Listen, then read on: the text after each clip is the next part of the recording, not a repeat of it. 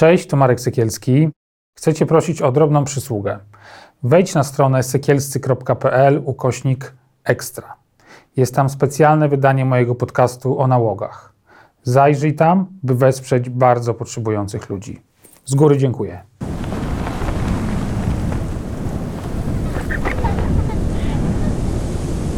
Ten program oglądasz dzięki zbiórce pieniędzy prowadzonej na patronite.pl ukośnik sekielski. Zostań naszym patronem.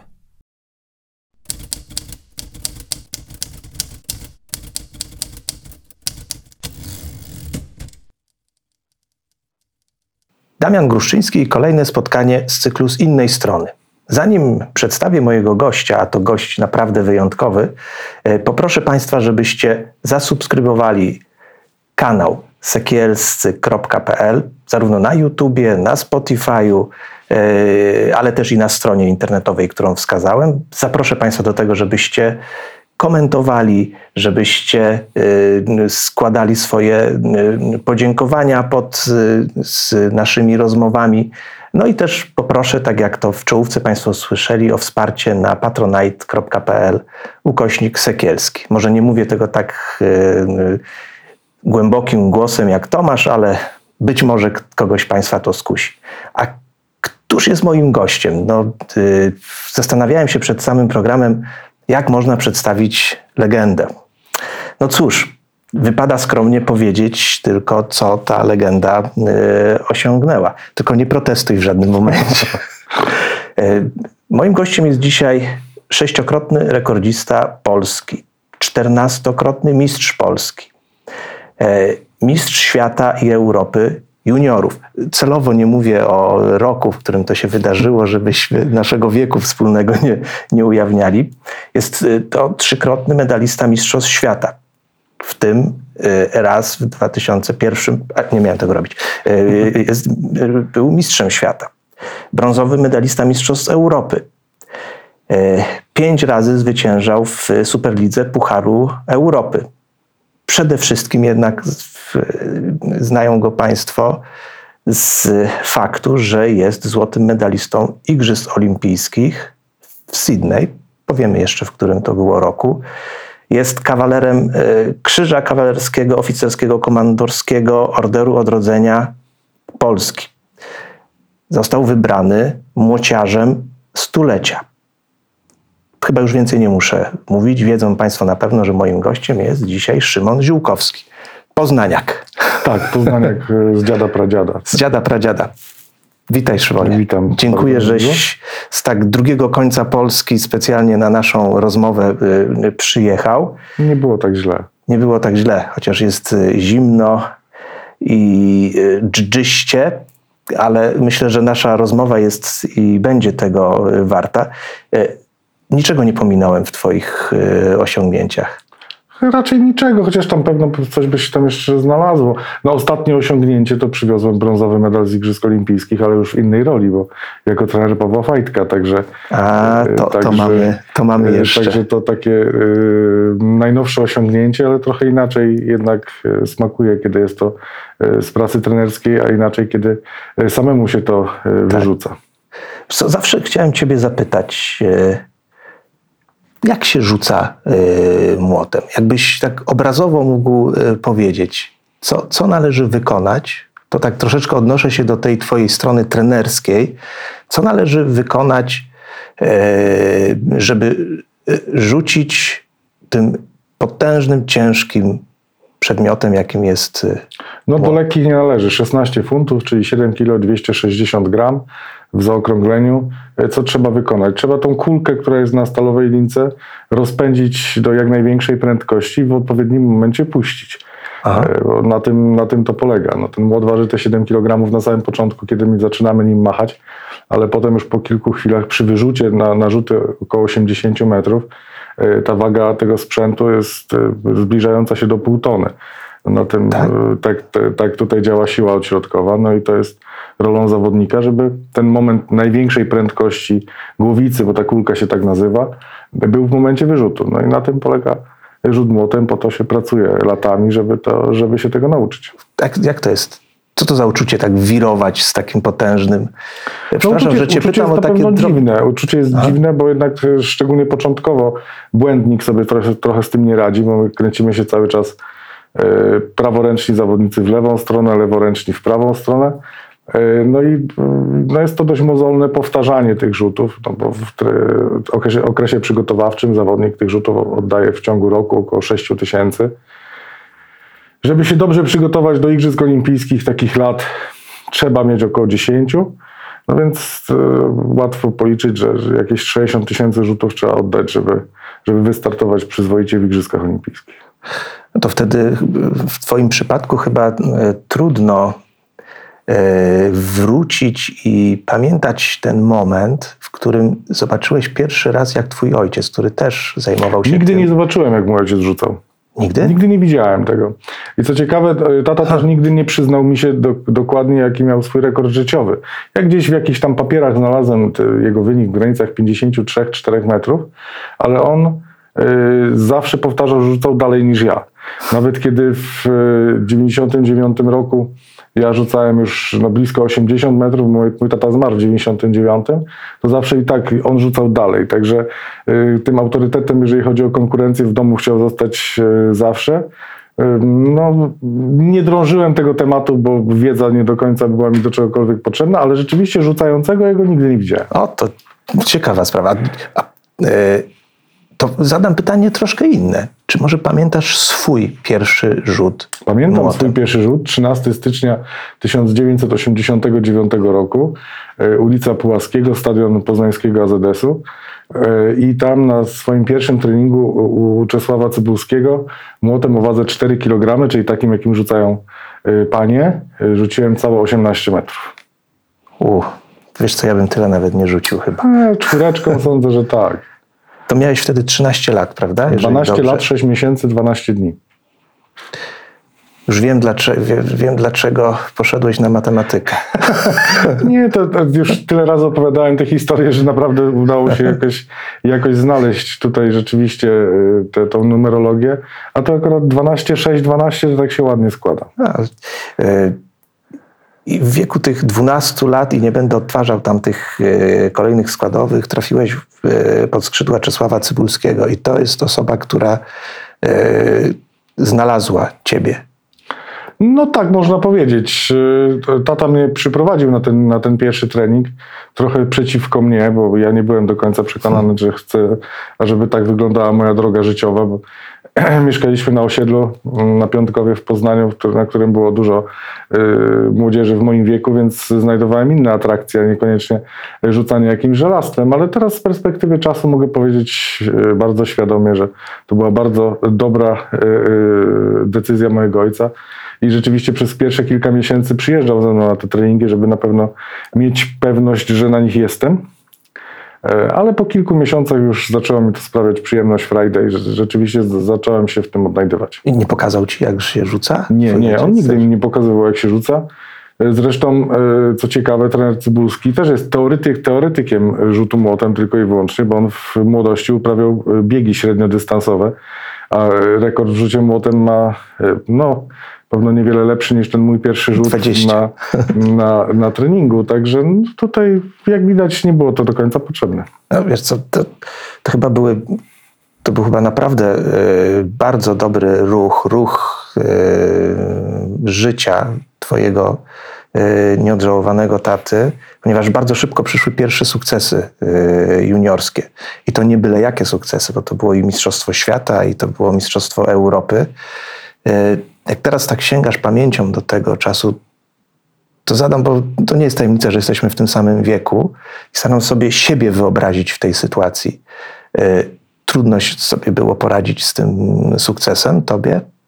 Nie, to były zupełnie inne czasy. To były czasy, w których nie było mediów społecznościowych. To Aha. były czasy, kiedy jeżeli chciało się zobaczyć wyniki e, z zawodów z weekendu, to trzeba było kupić gazetę w poniedziałek czy we wtorek, kiedy one e, były publikowane. No, media wyglądały wtedy zupełnie inaczej. Wydaje mi się, to też jest jeden z przyczynków do tego, że ta woda sodowa e, nie do końca gdzie miała y, uderzać. Poza tym ja od samego początku, kiedy zacząłem sport uprawiać, moim celem było zdobycie medalu na Igrzyskach Olimpijskich, a, a wiedziałem, że, że medale y, imprez juniorowskich to są po prostu kroki w drodze. Y, I tak to traktowałem. Kiedy sobie ten cel postawiłeś? Bardzo szybko. No, sport w moim domu zawsze istniał i, i od kiedy pamiętam oglądaliśmy y, praktycznie wszelkie y, wydarzenia sportowe. Y, mój tata był redaktorem sportowym w poznańskich gazetach, więc tym sportem był związany. Ja jako taki y, niewiele od, y, odrastający od ziemi mm, chłopak biegałem na stadionie na poznańskim Golęcinie jako goniec z tymi protokołami z poszczególnych konkurencji. Potem mój tata przez pewien okres był prezesem Poznańskiego Związku Lekkiej Atletyki. Także ten sport u nas był. No i, i od zawsze wiedziałem, że największym osiągnięciem dla sportowca, jakie jest możliwe do, do, do zdobycia, jest złoty medal olimpijski. No więc ten cel był postawiony. Aż się, aż się nie chce wierzyć, że to tak wszystko e, w Twoim przypadku było od początku e, ukierunkowane. To Wiesz znaczy co, bo zastanawiam się nad, tak naprawdę nad, e, nad fenomenem, fenomenem mistrza olimpijskiego. Kiedy się u niego zaczyna myśleć, bo to nie jest przecież jednorazowy, zdobycie medalu olimpijskiego to nie jest jednorazowy akt. To jest akt, który, tak jak mówiłeś, 60 tysięcy rzutów Oczywiście, no, rocznie. do tego się trzeba przygotować. 10 To nie jest lat. przypadek. Tak? Tak. To, to... Teraz trzeba potężnej siły, żeby wytrwać w tym postanowieniu. I dlatego, wybacz, że tak jakby zatrzymałem troszeczkę tą narrację, bo y, gdy ty o tym mówisz, to się wydaje takie y, proste w, y, dla mnie w odbiorze, że po prostu taki cel miałem, taki cel Bo to, sobie rzeczywiście, bo, postawiłem. to, bo to rzeczywiście było proste. Ja na przykład teraz wielokrotnie spotykając się z dzieciakami czy ze starszymi na różnych spotkaniach, kiedy jestem pytany o to, a co bym zrobił w życiu, gdyby nie sport? Nie mam zielonego pojęcia. Ten sport był w moim życiu tak szybko już, no przecież ja byłem 12-letnim gówniarzem, no, nazywajmy rzeczy po imieniu, e, że nie jestem w stanie sobie wyobrazić, co ja mógłbym robić innego. Po prostu wszedłem do tej rzeki bardzo szybko i, i, i, i wydaje mi się, że to była bardzo dobra rzeczywiście decyzja mojego taty. E, Na swoje pierwsze igrzyska pojechałem w wieku lat 20. Tam już je chciałem, chciałem zdobywać, ale zostałem bardzo mocno ukrócony sam przez siebie, bo to jednak głowa to jest najważniejszy element, który jest zawodnikowi potrzebny. No i co chwilę były kolejne cele i rzeczywiście ten sport bardzo wciąga, szczególnie wciąga wtedy, kiedy są sukcesy. jeszcze przed tym głównym sukcesem był bardzo trudny rok w Twoim życiu, prawda? Wspomniałeś o nim, 1999, czyli końcówka tak naprawdę ubiegłego wieku. To był rok, który mógł zatrzymać Twoją karierę, bo wtedy mm, przeżyłeś wypadek samochodowy, wtedy. Wypadek E, miałem w 96. Tak? Tak. y, Po igrzyskach w Atlancie y, wracałem od swojego ówczesnego menadżera ze Szwajcarii autokarem, takim busem większym trochę y, na trasie Zurich-Wrocław i y, po przekroczeniu polskiej granicy kierowca nam przysnął i, i wjechaliśmy przodem tego busa do rowu. Sprzeciwka jechał żuk e, i żuk uderzył nam w tył tego naszego busa. My zrobiliśmy salto przez tego żuka y, i tam zginęło pięć osób na miejscu, szósta w szpitalu. E, No i rzeczywiście no, wypadek był, był, był dość poważny. No ja wyszedłem z tego z urwanymi więzadłami krzyżowymi e, przed nimi i, i z rozciętą głową. No i to praktycznie wszystko, co mi się wydarzyło, tak?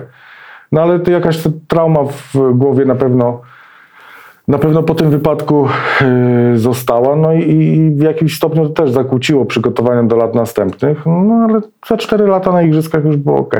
Tak, no ale jeszcze ten 99, to miałem akurat złe dane, to, to też rok, w którym straciłeś bardzo wiele bliskich osób. Tak, tak. Tobie, Mieliśmy prawda? straszne pół roku jakieś rodzinnie patrząc, bo w styczniu e, odeszła nasza babcia, w lutym dziadek, a w czerwcu ojciec. Także, także rzeczywiście było to, było to wyjątkowo traumatyczne.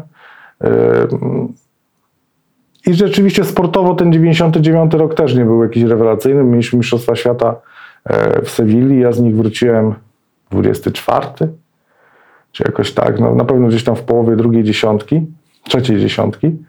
E, Paradoksalnie Kamila Skolimowska też w 99 roku debiutowała w Mistrzostwach Świata.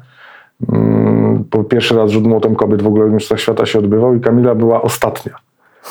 E, To była chyba 17 czy 18, bo tylko tyle dziewczyn startowało, ale potem się śmialiśmy z tego, że, że rok później na Igrzyskach Olimpijskich ta, ta fortuna zdecydowanie się odwróciła. Ty lubisz rzucać w deszczu, prawda? Mhm. Lubię trudne warunki z tego względu, że ym, nigdy nie rozpieszczało nas. y, trener nas nie rozpieszczał na treningach. My, my, praktycznie mój pierwszy obóz klimatyczny, czyli taki, gdzie mogliśmy pojechać do jakiegoś cieplejszego kraju, y, był dopiero przed Igrzyskami w Atlancie, czyli w 96 roku. A tak, no tym ustrojstwem rzuca się po prostu na dworze. No, ciężko znaleźć halę, gdzie można by było tym rzucać. Y, Teraz też jesteśmy na przykład na zgrupowaniu w Spale, no i rzucamy na dworze. No jest temperatura minusowa, no ale, ale rzucać trzeba. No i my rzeczywiście też rzucaliśmy czy w deszczu, czy w śniegu. Y, Nie miało to dla mnie żadnego znaczenia, po prostu szedłem robić trening i tyle. I dlatego to był taki mój handicap też względem innych y, zawodników, bo wiem, że, że gro z nich y, trenowało po prostu w takich y, szklarniowych, nazwijmy to, warunkach. Więc jednak deszcz czy chłodniejsza temperatura już była jakimś, jakimś wyzwaniem dla nich, a u mnie to nie robiło żadnego, żadnego problemu. I zrobiło raz problem, y, bo w serii próbnej w Sydney w 2000 roku poślizgnąłeś się, prawda? Tak, Przed bardzo Elite. wyjątkowo spektakularna gleba to była e, w e, konkursie finałowym. To było związane może nawet nie tyle z samym deszczem, tylko z tym, że to koło zostało wyprodukowane świeżo na igrzyska. E, I kiedy ono zaczęło się docierać, to pojawiał się na nim taki pyłek. I pyłek w połączeniu z wodą robił maź, która była po prostu śliska. No i, i akurat mi się tak wydarzyło, że pierwszy próbny rzut E, Bo zawsze przed zawodami mamy dwa próbne rzuty do dyspozycji. Pierwszy próbny rzut też się delikatnie poślizgnąłem, wypuściłem ten młot już po dwóch obrotach. E, Drugi próbny rzut, wchodzę do koła, mówię, no kurczę, jesteśmy w finale Igrzysk Olimpijskich, to już nie ma co kalkulować, trzeba rzucić normalnie. E, No i zahaczyłem się e, nogą o nogę, poślizgnąłem. Już w czwartym obrocie uderzyłem w beton. Byłem cały mokry, wkurzony, zły. Potem, potem jak rozmawiałem z trenerem Cybulskim po całej imprezie, to mówił, że już po tym drugim próbnym powiedział, że już po igrzyskach jedziemy do domu. Tak, bo Wydaje mi się, że gdyby to była jakakolwiek inna impreza niż finał Igrzysk Olimpijskich, to rzeczywiście mogło, mogłoby mi ciężko być się, e, być się pozbierać, a tutaj Zobacz. I znowu mówisz o, tym, o tej drodze, zobacz, tak prosto, a mnie to fascynuje. Yy, mówisz w tak, w tak yy, składny i bezproblemowy sposób. Ale zobacz, koniec, można powiedzieć, zwieńczenie twojej drogi. Wydawałoby się, że najlepsze dla ciebie warunki, bo, bo, bo lubisz rzucać Tak, w deszczu. tak, tak. Seria próbna i, i, i teraz zastanawiam się, co musi czuć człowiek, który w takich warunkach upada i rzeczywiście, tak jak trener mówił, no już może pojedźmy do y, domu, już nic nie będzie z tych igrzysk, a ty zdobywasz złoty medal. No, ja pamiętam e, tą sytuację i, i dla mnie y, wtedy proble- problemem było to, że miałem wszystkie rzeczy mokre, więc muszę znaleźć coś suchego w torbie, coś zrobić z rękawicą, bo też jest mokra, jak jest mokra, to się ślizga, więc e, trzeba jakiś ręcznik, coś ogarnąć temat, no i przygotowywać się do, do, do następnego rzutu. Rzeczywiście bardzo mechanicznie do tego podszedłem, tak? I, i y, ja ten upadek widziałem chyba dopiero dwa miesiące po igrzyskach. E, Wcześniej, wcześniej nie, nie miałem specjalnie mm, okazji tego oglądać, ale potem jak zacząłem analizować cały ten start w igrzyskach, e, to paradoksalnie rzecz biorąc, może ten upadek mi w jakiś sposób pomógł, tak? Bo z jednej strony mm, przestałem myśleć o starcie, tylko zacząłem się zajmować rzeczami pobocznymi, e, które były mi do tego startu potrzebne, a z drugiej strony wszyscy moi rywale ten upadek widzieli. Więc każdy z nich delikatnie hamulec ręczny e, zaciągał, mówi, kurczę, jest ślisko, trzeba uważać, tak? No więc, no wyszło jak wyszło. Pamiętasz hymn? Nie. Nie, nie. W ogóle całą dekorację z Igrzysk Olimpijskich z Sydney pamiętam tylko z relacji telewizyjnej. Ja Ale tego, przecież brałeś w tym udział. tak, ale to był dla mnie tak stresujący moment. Yy, Pamiętam pokój, w którym yy, czekaliśmy na wyprowadzenie na Stadion Olimpijski. Yy, Tam dostaliśmy taką instrukcję obsługi, którędy idziemy, kto za kim i tak dalej, i tak dalej. Starałem się tego nauczyć na pamięć, żeby, żeby nie popełnić błędu, wychodząc na, na dość duży obiekt lekkoatletyczny, tym bardziej, że akurat tego dnia stadion był pełen ludzi, bo biegała 400 metrów finał e, Katy Freeman, która, która od, rozpalała ogień olimpijski na stadionie, a potem rzeczywiście 400 metrów też wygrała. Rodowita aborygenka, Australijka, więc wszyscy przyszli jej kibicować i ci wszyscy, którzy przyszli jej kibicować, musieli stać do, do polskiego hymnu. Mm, Ale ja mówię, pamiętam tylko z relacji. To jest niesamowite. E, trudniej jest być sportowcem czy politykiem? Trudne pytanie, co? Trudne pytanie, bo to zupełnie dwa różne, dwa różne światy, trochę inne. Wszyscy jesteśmy w jednym świecie, można no porównywać. tak, ale, ale mm, sport e, ma zasady, polityka trochę mniej. E, Jest trochę podobna do sportów drużynowych, bo jednak w zespole siła, e, ale tutaj rzeczywiście to jest trochę tak, że jakbyśmy zaczynali grę w coś, a po połowie ktoś by nam powiedział, jakie są zasady tej gry. Albo jeszcze zmienił. Albo jeszcze je zmienił w międzyczasie. Także, yy, także to jest trochę inna, inna zabawa, ale yy, adrenaliny również jest w stanie dostarczyć. No, całą kadencję Sejmu 2015-2019 spędziłeś w polskim e, Sejmie. E, e, Mniemam, że e, wspominasz to jako doświadczenie, które cię wiele nauczyło. Bardzo wiele mnie nauczyło, no jednak spojrzenie na to, jak polityka wygląda od środka jest, jest bardzo ciekawe i yy, ja cały czas uważam, że, że jeżeli kiedyś będzie taka możliwość i, i, i yy, żeby wrócić do tego, ja bardzo chętnie tam wrócę, bo uważam, że yy, ludzie, którzy mają doświadczenie w różnych dziedzinach życia, oni właśnie tam powinni siedzieć. Tam nie powinni być politycy, którzy są politykami od, od urodzenia i tylko i wyłącznie y, polityka taka sensu stricte ich zawsze interesowała, tylko powinni być ci, którzy mają y, pojęcie na tym, o tym, jak ten świat wygląda. No jeżeli y, mamy w polskim Sejmie Komisję Sportu i Turystyki, no to tam powinni być ludzie, którzy się znają na sporcie w jakimś stopniu od, od wewnątrz, a nie tylko ci, którzy znają odpowiedzi na każde pytania. Czyli chciałbyś wrócić? Będziesz wracał? Jest to jest, zobaczymy. Nie mówię nie, nie mówię tak. Mhm. E, ale jest to taka forma adrenaliny na pewno, która, która mi pasowała. No, y, można powiedzieć, że ty, ty się chyba nigdy nie zatrzymujesz. Tak jak obserwuję to, co, to, co robisz. Teraz to, co wspomnieliśmy, y, zająłeś się trenowaniem i byciem takim mentorem dla y, kolejnego mistrza y, świata i Europy i brązowego medalisty Igrzysk Olimpijskich, Pawła Fajtka.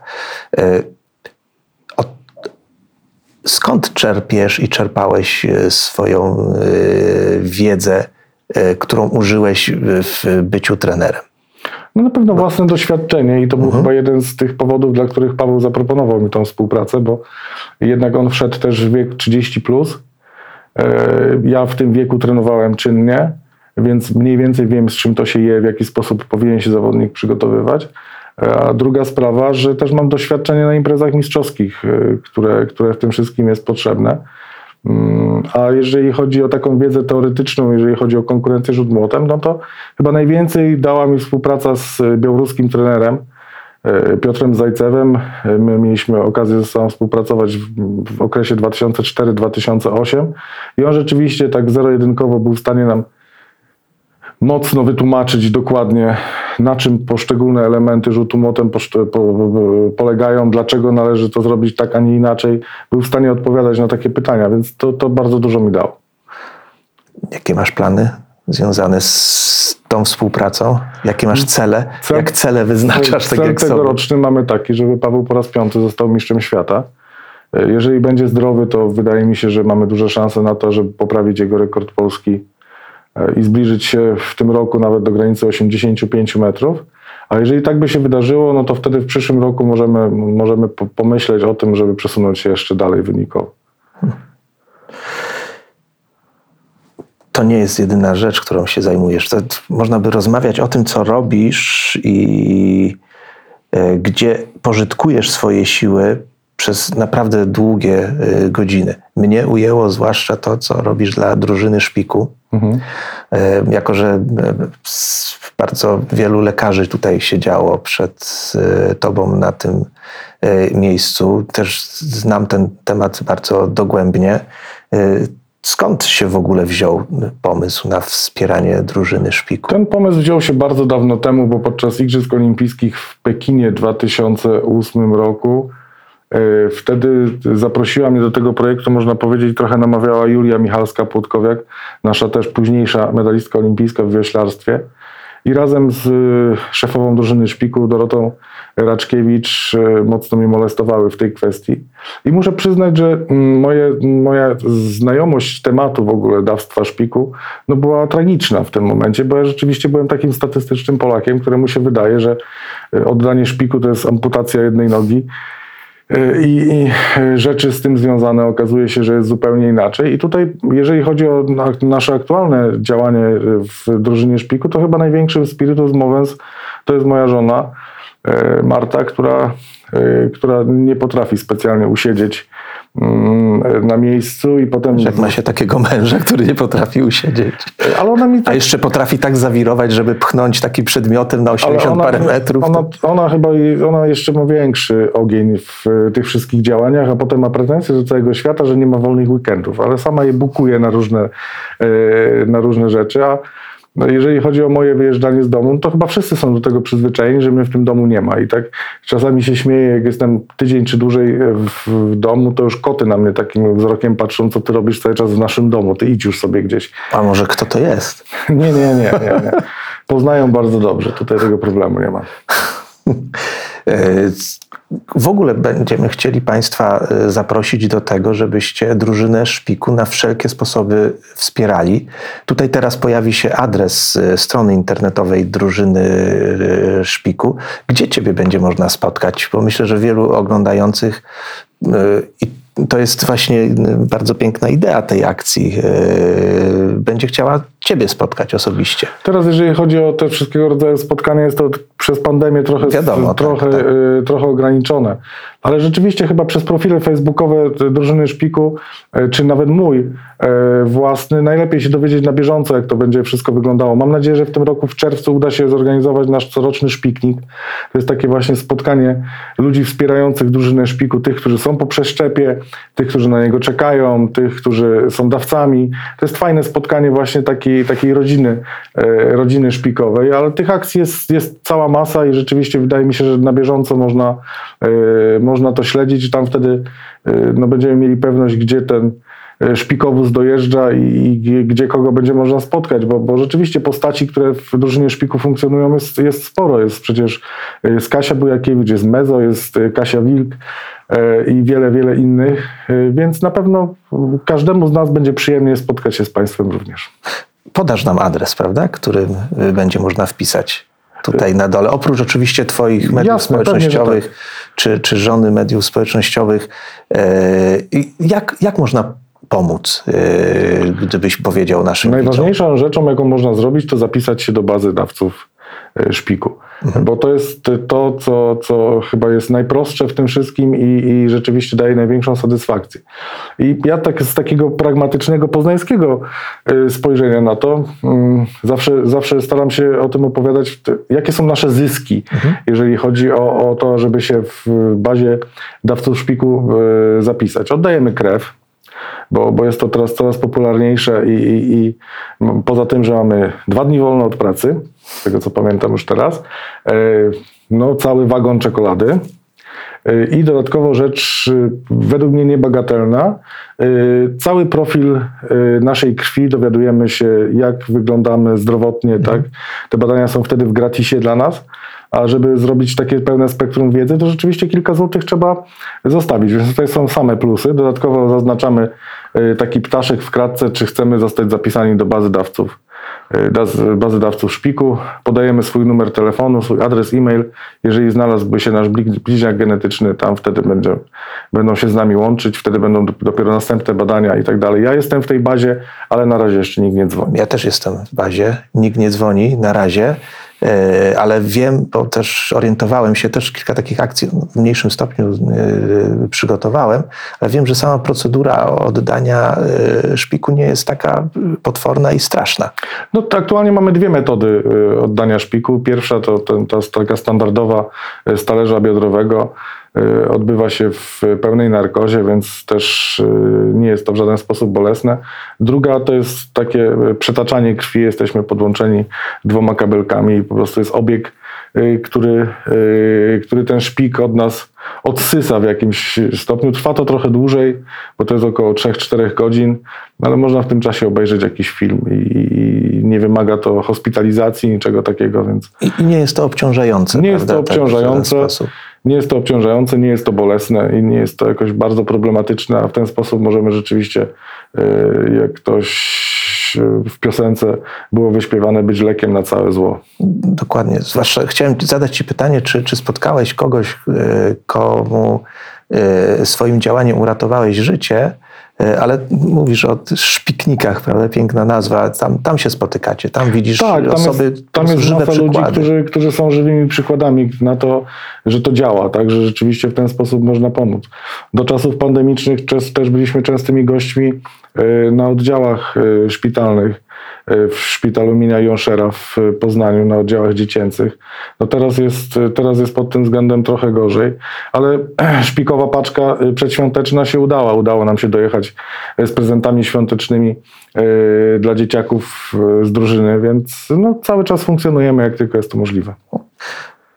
Wiedzą Państwo, to jest bardzo prosta sprawa, yy, żeby pomóc. Raz, że zapisać się, tak jak mówisz Szymon, do, do bazy dawców, ale dwa, yy, nie wiem jak to dokładnie u Was funkcjonuje, ale można zorganizować yy, samemu takie spotkanie, znaczy spotkanie, taką akcję zbierania yy, dawców i tutaj w tym też chyba Państwo i Fundacja pomaga. Tak, poza tym jest jeszcze druga fundacja, która się tym zajmuje, DKMS. Tak. Ich mm, zapisanie się do, bazy dawców e, szpików w DKMS jest trochę wygodniejsze i prostsze, bo nie robi się tego za pośrednictwem e, poboru krwi, tylko można zamówić na stronie internetowej e, patyczek, którym Tak. zbieramy trochę materiału genetycznego z policzka i wysyłamy to do laboratorium. No jest, każda metoda jest dobra. To, to chodzi o to tylko, żeby, żeby nas w tej bazie było jak najwięcej. Rzeczywiście i tak Polska, patrząc statystycznie w Europie, wypada całkiem y, dobrze. Y, tylko, że u nas mamy zarejestrowanych aktualnie około 2 miliony 300, 2 miliony 400 y, tysięcy potencjalnych dawców szpiku.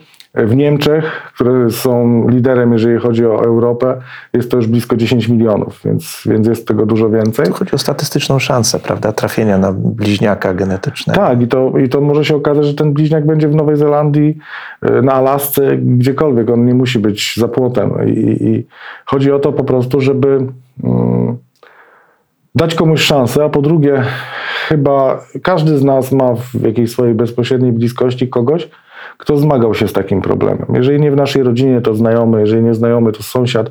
Jednak to paskudztwo jest coraz częstsze, coraz częściej wykrywalne, y, więc to, to nie jest już y, taka historia, jak się nam kiedyś opowiadało, że raka dostają ci, którzy się źle przez życie prowadzili to jest kara za to, Tak. y, co w życiu zrobili. Wcale tak nie jest. My niejednokrotnie spotykaliśmy dzieci, które się już z rakiem urodziły. E, Więc jest to coś strasznego, jeżeli my jesteśmy w stanie im pomóc e, takim niewielkim nakładem sił, praktycznie żadnym, no to chyba nie można zrobić nic lepszego. Nie można dać komuś szansę. Być może ten ktoś to ktoś taki jak mój dzisiejszy rozmówca. Być może to przyszły mistrz olimpijski. Oczywiście, że tak. Albo noblista, albo... Albo świetny aptekarz. Tak, albo, albo Albo fantastyczny człowiek. wystarczy, to, to, to w zupełności jest wystarczające. Wydaje mi się, że każdy z nas ma prawo do tego, żeby walczyć o siebie. Każdy ma obowiązek. Dziękuję Ci za rozmowę. Dziękuję ślicznie. Ten program oglądałeś dzięki zbiórce pieniędzy prowadzonej na patronite.pl ukośnik sekielski. Zostań naszym patronem.